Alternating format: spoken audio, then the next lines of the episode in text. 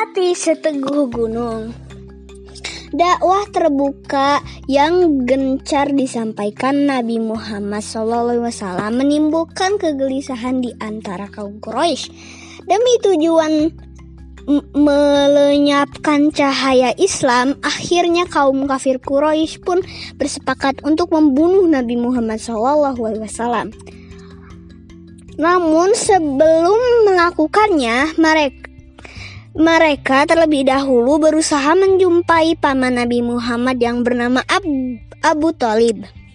Saat itu Allah taala menakdirkan Nabi Muhammad berada di bawah lindungan Abu Talib yang merupakan salah satu tokoh Quraisy yang disegani saat menemui Abu Talib. Para pembesar Quraisy berkeluh kesah. Mereka menyampaikan bahwa Nabi Muhammad telah mencaci maki mereka, nenek moyang sembahan, dan agama mereka. Para pembesar Quraisy ke kemudian menuntut agar Abu Talib menghukum Nabi Muhammad atau mereka yang akan melakukannya. Ketika Abu Talib menyampaikan hal tersebut, Nabi Muhammad berkata bahwa beliau tidak akan berhenti berdakwah meskipun kaum Quraisy meletakkan matahari di tangan kanannya dan rembulan di tangan kirinya.